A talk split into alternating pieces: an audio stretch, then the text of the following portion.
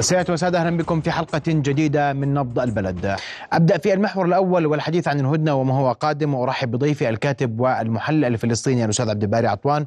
أستاذ عبد الباري مساء الخير. وأهلا بك في نبض البلد وفي هذه التغطية المتواصلة من رؤية العدوان على قطاع غزة. أهلا وسهلا فيكم وبالبلد وبنبض البلد كمان. رؤيا بودكاست. أستاذ عبد الباري أبدأ بالسؤال حول وجهة نظرك بالهدنة التي آه، آه، هذا يومها الثالث وغدا آخر أيامها المفترضة وهل تتوقع تمديدها؟ يعني آه، أمام دولة الاحتلال الإسرائيلي خيارين، الخيار الأول أن تمدد هذه الهدنة وهذا من المرجح أو أن تعود للعدوان والقصف وهذا في تقديري ربما أقل احتمالا لأنه دولة الاحتلال الإسرائيلي فقدت الكثير من التأييد في الرأي العام الدولي وفي الدول أيضا حتى الداعمة لها وخاصة أمريكا.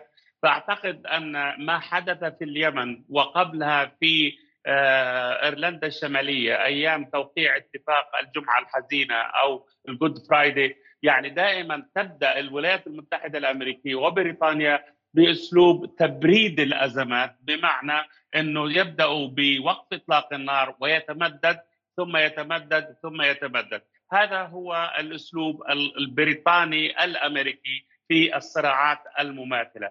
لكن هل الآن إسرائيل يعني تتخلى عن باقي المستوطنين المدنيين الأسرى لدى حركة حماس وتعود إلى الحرب مجددا؟ وخاصة أنها خسرت هذه الحرب ولم تستطيع تحقيق الهدفين الرئيسيين منها. الهدف الأول هو الإفراج عن جميع الأسرى والهدف الثاني هو القضاء على حركة حماس وفصائل المقاومة الأخرى. فشلت لمدة أكثر من 48 يوما في تحقيق أي من الهدفين فلذلك راحت إلى التفاوض. طب أستاذ الباري أنت أنت تعتقد وترجح أن أن أن تستمر إن صح التعبير آه، هذه الهدنة، هل تعتقد أن الحرب وضعت أوزارها اليوم؟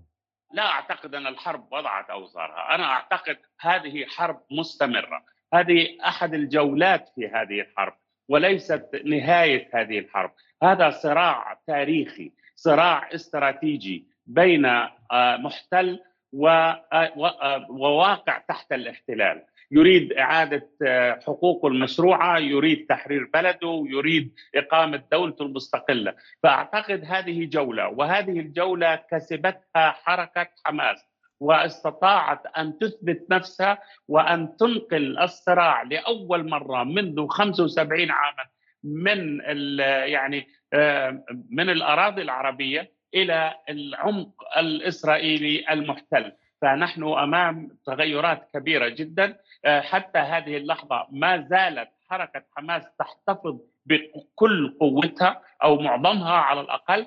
الأمر الثاني إنه ما زالت يعني تسيطر على الوضع. هم قالوا أن حماس فقدت السيطرة هذا قبل شهر. الآن حماس يتفاوضوا معها. كيف حماس فقدت السيطرة وأنت تتفاوض معها؟ للإفراج عن بعض مستوطني الأسرى، هذا هو التطور، أنا تقديري هذه بدايه وأعتقد أن المقاومة مستعدة لأي خيار تلجا إليه الحكومة الإسرائيلية الفاشية الحالية، إذا لجأت إلى الحرب طبعا الحرب الآن يعني معظم القوات البرية الإسرائيلية التي دخلت القطاع جرى تدميرها وارتفاع عدد القتلى في أوساط الجنود الإسرائيليين وفي أوساط اللي هي المدرعات والدبابات هو الذي دفع نتنياهو إلى التفاوض والتوصل لهذه الهدنة، إعلان الهدنة أنا في تقديري هو اعتراف بالهزيمة وليس خطوة على طريق النصر مثل ما يقولون، إسرائيل هزمت في قطاع غزة والحرب الآن تتوسع. يعني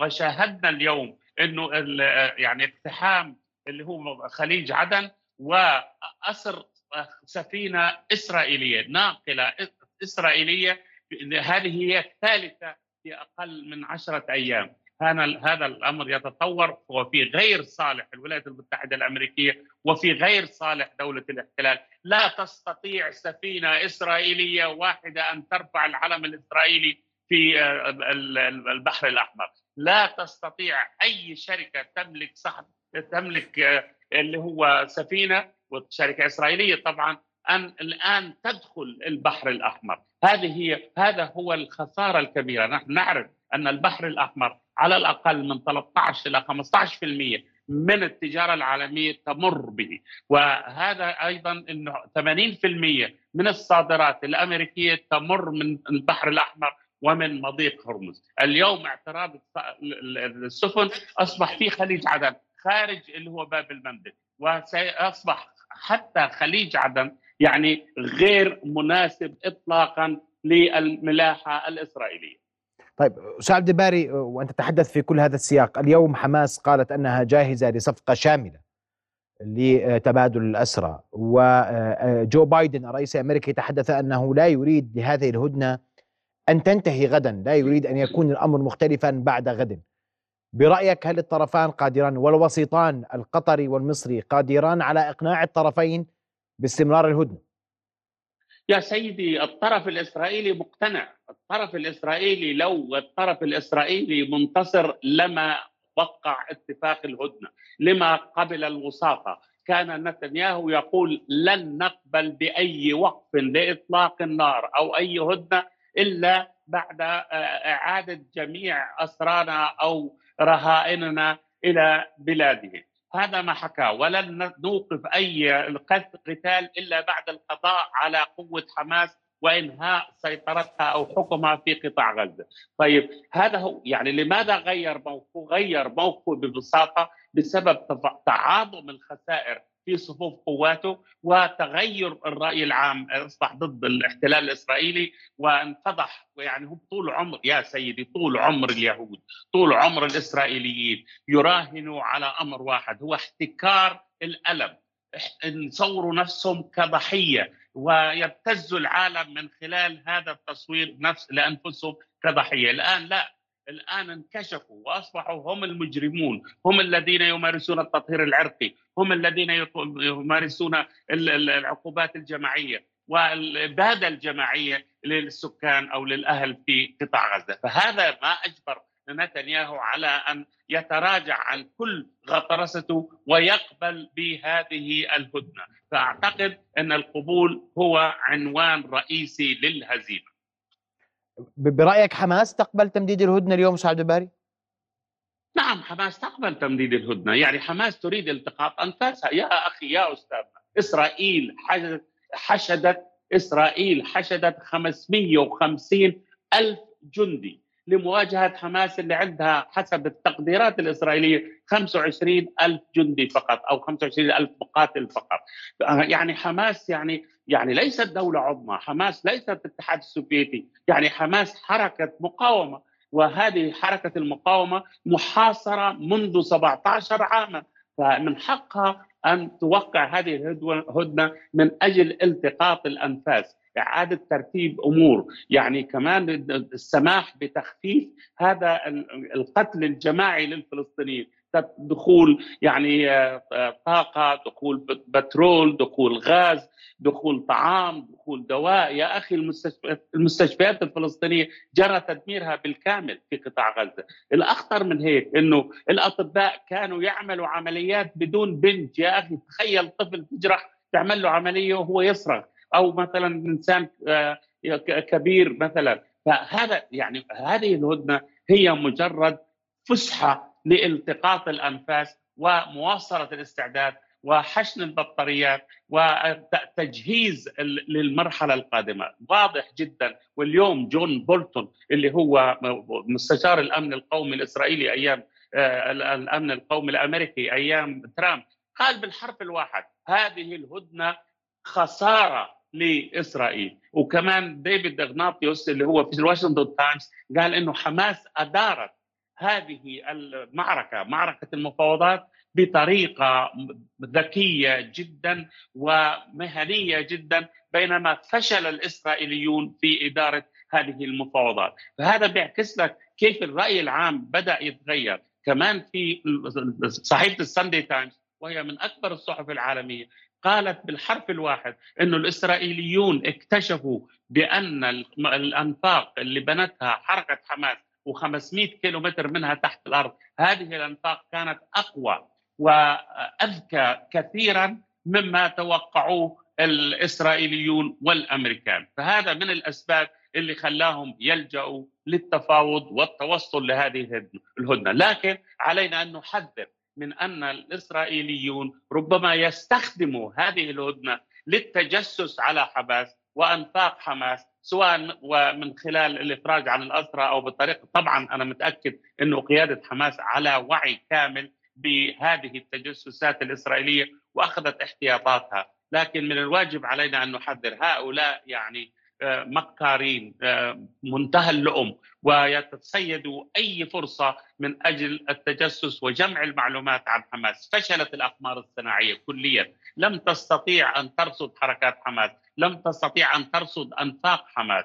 ومعها الكثير من الجواسيس، الآن الآن يعني حقيقة تفوقت حركة حماس وفصائل المقاومة الأخرى لكن الحذر مطلوب.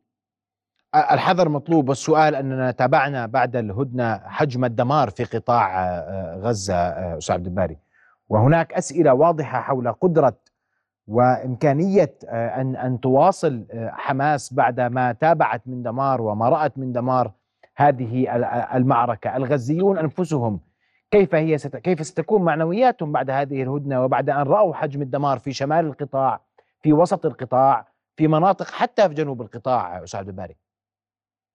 سؤال مهم جدا. نعم يا سيدي. نعم أنا أنا ابن القطاع. يعني حقيقة يعني فقدت أكثر من 25 من من آل عطوان على أي كلهم أولاد عم. يا خ... يا سيدي صحيح الدمار ضخم جدا. 50% من المنازل في قطاع غزة جرى تدميرها. يعني والآن يفكرون بنقل الحرب إلى الجنوب قطاع غزة. الإسرائيليين بحجة أن قيادة حماس موجودة في الجنوب وليست في الشمال، كانوا يقولون قيادة حماس تحت المستشفى الشفاء وأنه تحت المجمع، لكن عندما ذهبوا إلى هناك واحتلوا المستشفى وذهبوا إلى اللي يبحثوا لم يجدوا. أي قاعدة لحركة حماس ولا غرفة عمليات. وظهر خرج يهود باراك رئيس الوزراء السابق وزير الدفاع السابق ليقول بأن نحن الذين بنينا هذه الأنفاق المحدودة تحت مستشفى الشفاء. فأعتقد الآن يعني الآن في تحشيدات كبيرة لكن في تقديري في تقديري المقاومة أخذت كل احتياطاتها ومستعدة فالدمار صحيح 50% من العمارات من بيوت قطاع غزة ومدينة غزة على وجه التحديد جرى تدميرها وكذلك نفس الحال نفس الشيء في بيت حنون وفي جباليا في شمال القطاع. لكن يعني أنا في تقديري وحركة حماس لن يعني توقف هذه الحرب ولن تتوسع هذه الحرب. يعني لا لا ولن يسمح بهذه الحرب أن تنتهي وستتوسع. وشاهدنا الآن تنتقل إلى حرب السفن في البحر الأحمر وفي خليج عدن إلا بعد الاتفاق على إعادة الإعمار، يعني العرب للأسف العرب الرسميين الأغبياء اللي اجتمعوا في شرم الشيخ عام 2014 بعد تدمير غزة عام 2014 اجتمعوا في شرم الشيخ واتفقوا على رصد 5 مليار دولار لإعادة إعمار القطاع، لم يصل منها دولار واحد، الآن لا، الآن في هناك وعي لهذه المؤامرات الإسرائيلية ولهذا العقوق الأمريكي والأوروبي. لن تتوقف هذه الحرب إلا بعد اتفاق على إعادة إعمار قطاع غزة. وإلا فإنها يعني ستستمر وستتوسع. هذا هو تقديري الشخصي. يعني لن يبقى أهلنا في قطاع غزة في العراء لن يبقوا في هذا الوضع الصعب. الآن يعني من شروط الهدنة أن أن 300 شاحنة يوميا تدخل إلى القطاع محملة بالأدوية والأغذية والطاقة، فأعتقد في وعي بالتفاوض في قدرة عالية على أساليب التفاوض وتجنب أي خديعة إسرائيلية مثل ما حدث في الماضي، نحن أمام قيادة فلسطينية عظمى، قيادة فلسطينية تعيش في تحت الأرض، وقيادة فلسطينية لا تركب السيارات الفخمة ولا تركب الطائرات الفخمة ولا شيء، قيادة ملتحمة كليا مع الشعب، وأنا أتحدث هنا عن الثنائي اللي هو يحيى السنوار أبو إبراهيم والجنرال محمد الضيف. هؤلاء استطاعوا أن يخططوا لهذه المعركة أن يخططوا لهذا الإنجاز التاريخي لأول مرة في تاريخ هذه الأمة. يعني يتم تحرير مستوطنات تحرير بلدات في غلاف قطاع غزة ولأول مرة يهزم الإسرائيليين. كل هذا الانتقام والحقد اللي رأيناه في قطاع غزة بقتل المدنيين هو نتيجة الألم نتيجة الصدمة. يعني صدموا إنه هذا الجيش الذي لا يعزم هذه رابع أقوى الجيوش في العالم. يعني حركة مقاومة واحدة اللي تهينوا وتذلوا وتذل المستوطنين يا أستاذنا زمان كان يحكوا عن إسرائيل الكبرى. الآن إسرائيل الصغرى تنكمش. الآن إنه مع أكثر من 10 كيلومتر في الشمال أصبح خاليا كليا من المستوطنين. كمان نفس الشيء 10 كيلومتر في الجنوب أصبح خاليا كليا من المستوطنين. هؤلاء الآن في الخيام. إحنا في اليوم السعيد نشوف ال ال الإسرائيليين في خيام.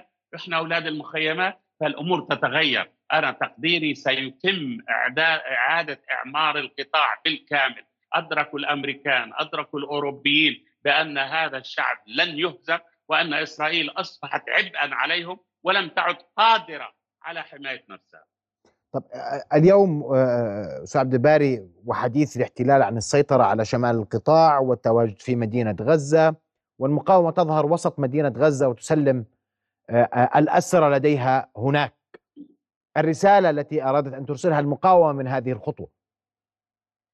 سيدي المقاومة واضح جدا اولا اولا تريد المقاومة أن تقول نحن الذين نحكم قطاع غزة ونسيطر على القطاع بالكامل.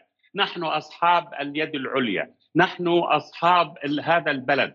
وإحنا وهذا شعبنا. وسننتصر وسينتصر هذا الشعب مع بعض. هذه أهم شيء كمان بالإضافة لهذه القيادة الرشيدة الحكيمة.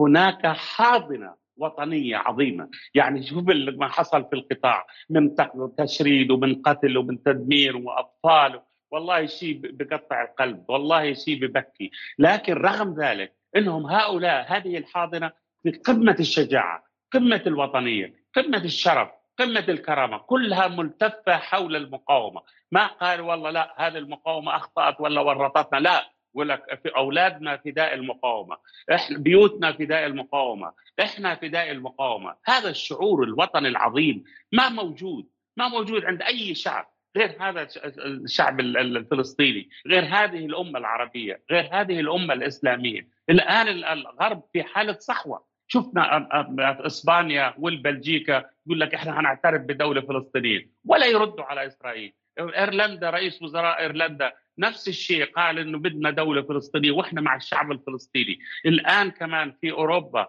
يعني الرأي العام وأنا أعيش في أوروبا الرأي العام تغير كليا خاصة جيل الشباب.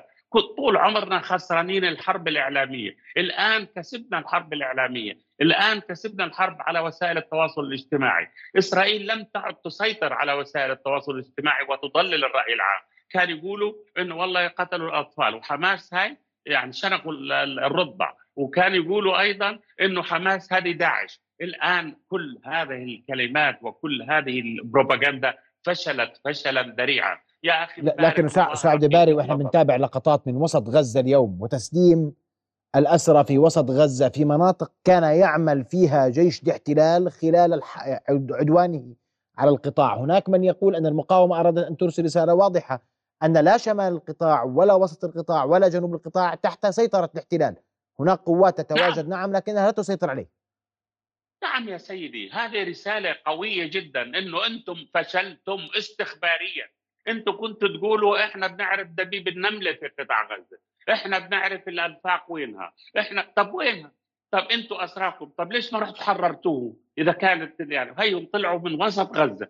طب وقدام العالم كله. ويطلعوا في سيارات وباصات وحافلات. لا وبالعكس يقولوا ويشاوروا بإيدهم باي باي اللي هم اللي أسروهم أو الحراس من من حركه من حركات المقاومة. هذا هو الإعجاز هذا هو الإبداع. هذا هو يعني إنه إنه تيجي حركه فلسطينية إنه تفشل كل أجهزة الاستخبارات الإسرائيلية وتظهر الاسرائيليين إنهم غشم ولا فاهمين شيء ولا عارفين شيء عن القطاع. هم اللي بيدعوا انهم بيعرفوا كل شيء. يا سيد إسرائيل كانت تتباهى بأنها أقوى قوة استخبارية في العالم وتبيع الخبرة هذه الأمنية والاستخبارية لدول أوروبية وغير أوروبية، الآن انفضحوا.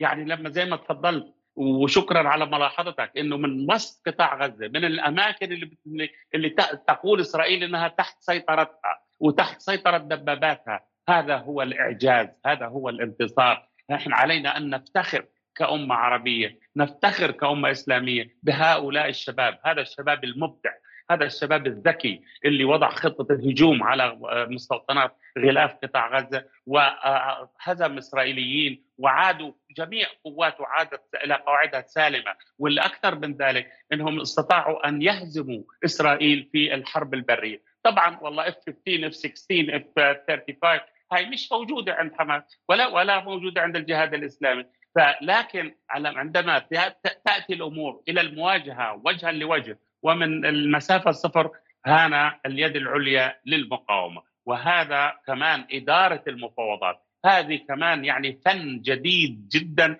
وأبدعت فيه اللي هي حركة حماس عندما استطاعت أن تفرض استطاع السيد السنوار أن يفرض جميع شروطه على دولة الاحتلال ولا يتنازل على شرط واحد وأن يحقق كل أهدافه. ولسه يعني أفرجوا لهم عن 50 لا في لسه في 200 يمكن 250 واحد موجودين. وإحنا لا نتحدث عن الجرارات الكبار اللي ما زالوا مع في أيدي حركة حماس وحركة الجهاد.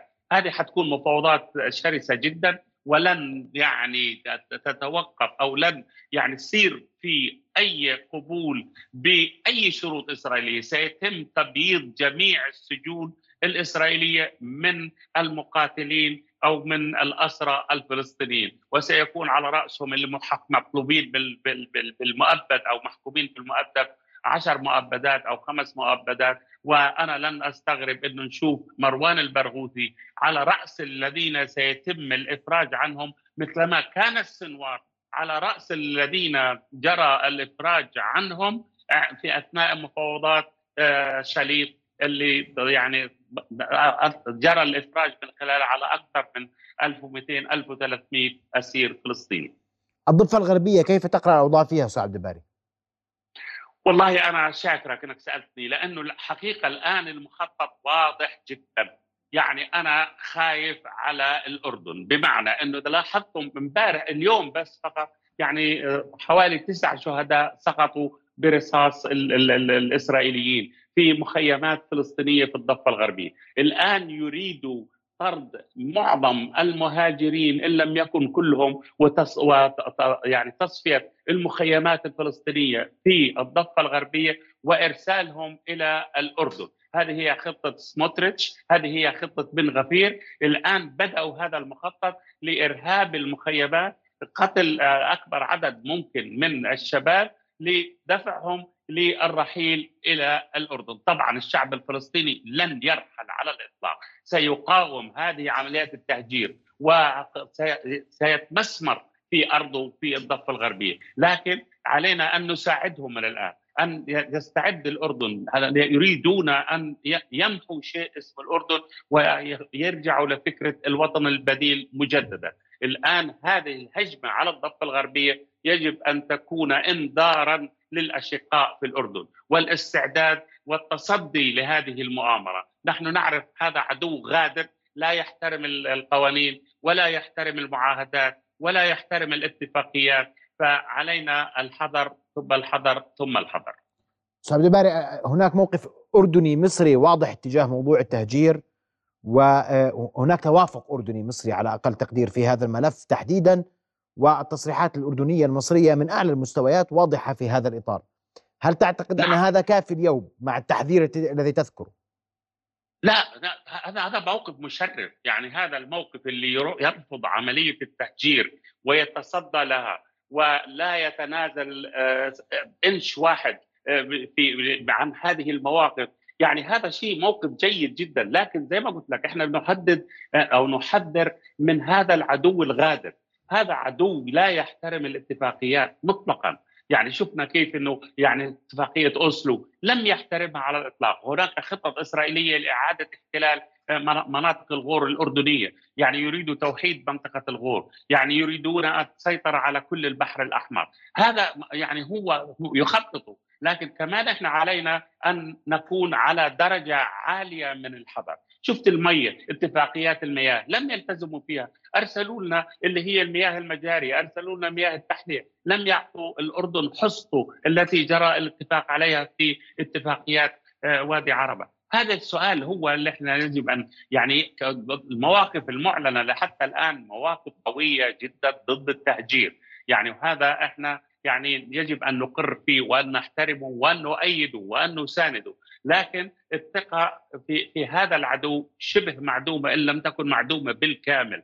فالوعي ضروري هناك الأردن يملك الكثير من الأوراق القوة يملك 600 كيلومتر من الحدود. هذه ممكن أن تكون يعني نقطة الضعف الإسرائيلية. فالصمود التمسك بالحق العربي والفلسطيني هذا أمر أساسي، مقاومة التهجير هذا كمان يعني مهمة سامية. يجب ان ان ان, أن نتصدى لها بكل ما نملك. واعلاميا نهيئ الشعب لهذا الخطر القادم ويصير في وحده وحدة وطنية بين الشعب وبين الحكومة وبين والجيش وكل الأجهزة. لسبب بسيط لأنه هذا هذه هذا مفصل تاريخي من تاريخ الأمة. هذا مفصل تاريخي مهم جدا. إسرائيل انهزمت وهي الآن مثل الجرو الجريح. لا أقول النمر الجريح لأنها ليست نمرا وأثبتت المقاومة أنها أقل من الجرو. حتى والله خروف جريح مش فات. يعني وهذا اللي أنجزوه المقاومة يؤكد بأن العرب إذا تضامنوا العرب إذا وقفوا وقفة رجل واحد إذا استطاعوا أو أرادوا أن يتحدوا لهذا العدو عندهم أوراق كثيرة. يا أخي عندنا النفط ليش ما وقفوا؟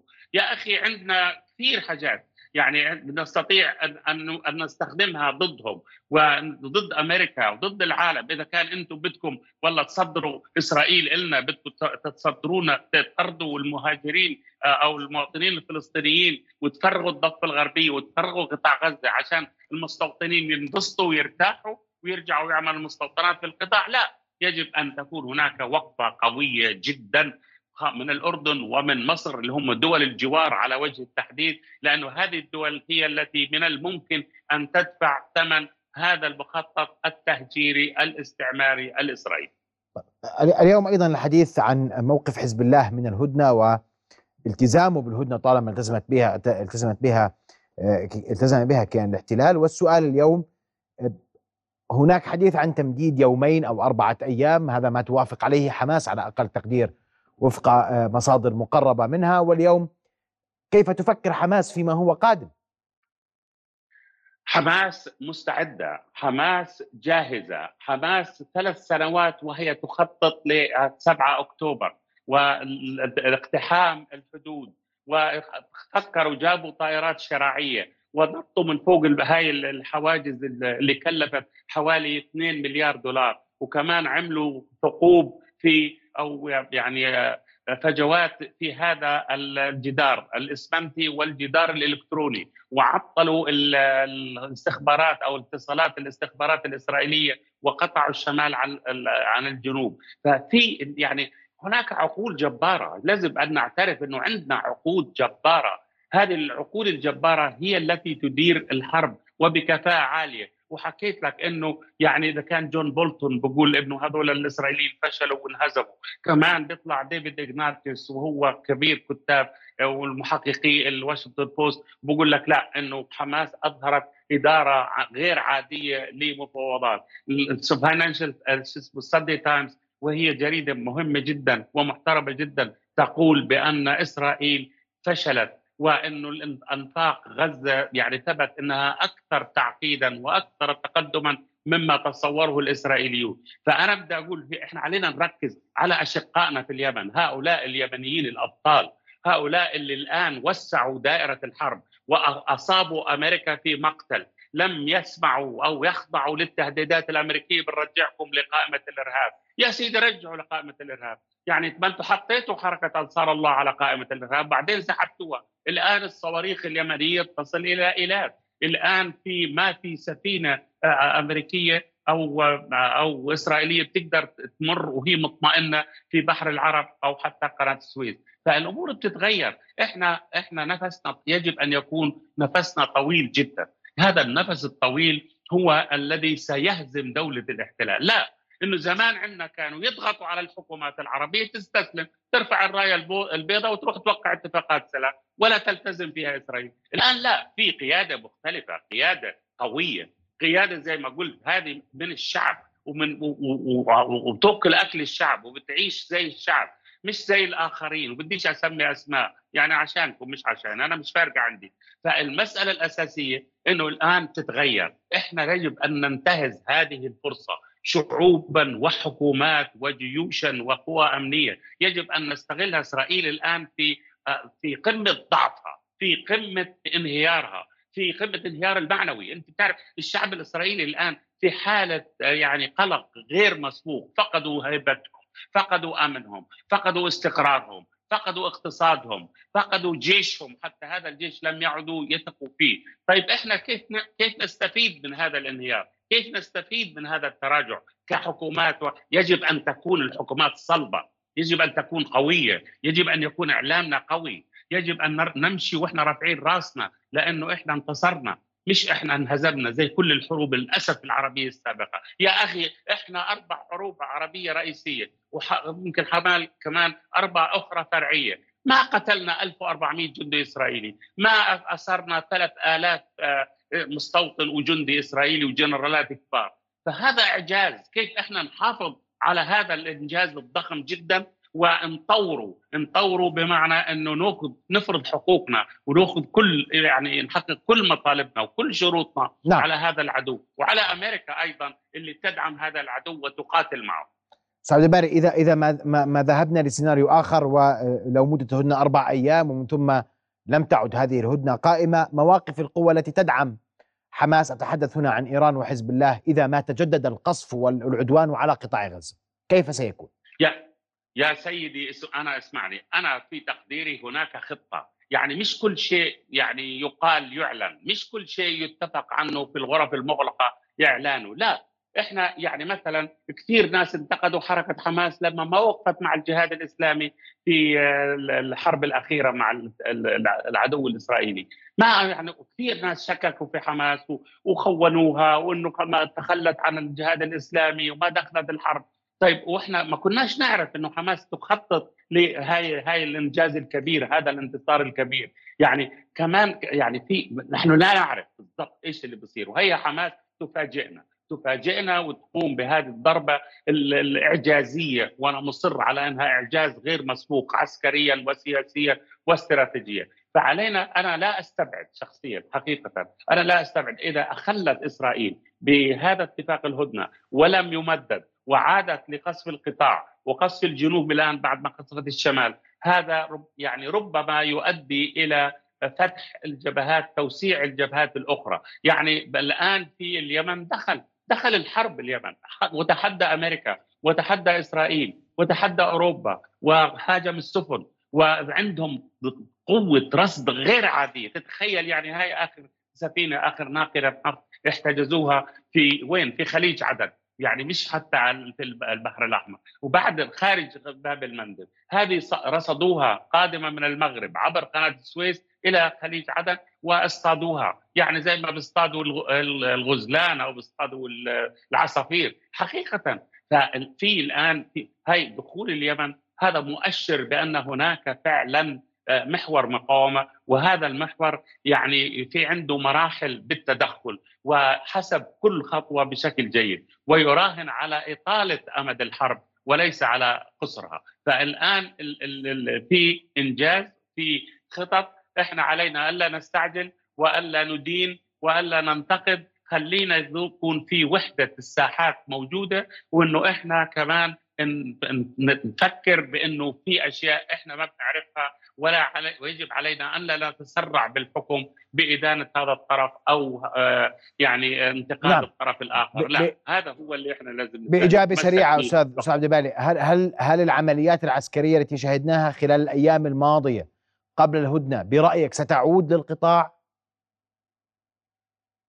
لا شوف يعني الآن الرأي العام تغير. هم الغرب أعطى إسرائيل أسبوعين لإنجاز المهمة والقضاء على حركة حماس وتدبير القطاع والحرب يعني راهنوا على الحرب الجبانة، هذه الحرب الجبانة أنه يقتلوا مدنيين عشان تستسلم حماس أو عشان يستسلم المدنيين ويمارسوا ضغط على حماس، فشلوا فشلا ذريعا في هذا، فتغير الرأي العام الآن، الراي الداعمين حتى داعمين إسرائيل بدوا يترددوا، والآن ما في حرب أخرى في أوكرانيا، يعني خسروا حرب أوكرانيا وها هم يخسرون حرب الشرق الأوسط. فأعتقد أن العودة ربما تكون صعبة جدا. لكن يا سيدي والله إذا عادوا عدنا. يعني مش مشكلة. يعني في المقاومة جاهزة وستقاوم وستقاتل. ودمرت دبابات. يعني أكثر من 200 دبابة دمروها في الحرب البرية في القطاع وأصبحت المواجهة من المسافه صفر وقتلوا العديد من الإسرائيليين. يعني كان كل يوم يعني حارسي حراس المقابر الإسرائيلية قالوا إحنا كنا ندفن كل يوم 50 المقابر العسكرية. كل يوم ندفن 50 جثة لجنود وضباط إسرائيليين. هذا حراس المقابر ولا يكذبوا فعلينا إحنا الثقة بالنفس هذا هو. ونستثمر هذا الانتصار لمرحلة جديدة من التصدي لهذه الغطرسة الإسرائيلية والتصدي أيضا للغطرسة الأمريكية ونقول نحن هنا ونحن عندنا أدواتنا وأن ندعم أن ندعم حركات المقاومة التي حققت هذا الإعجاز نعم. غير المسبوق في تاريخ الصراع العربي الإسرائيلي. أشكرك كل الشكر أستاذ عبد عطوان كنت معنا مباشرة من لندن أشكر حضورك معنا ووجودك معنا لهذه الليلة شكرا جزيلا لك. رؤيا بودكاست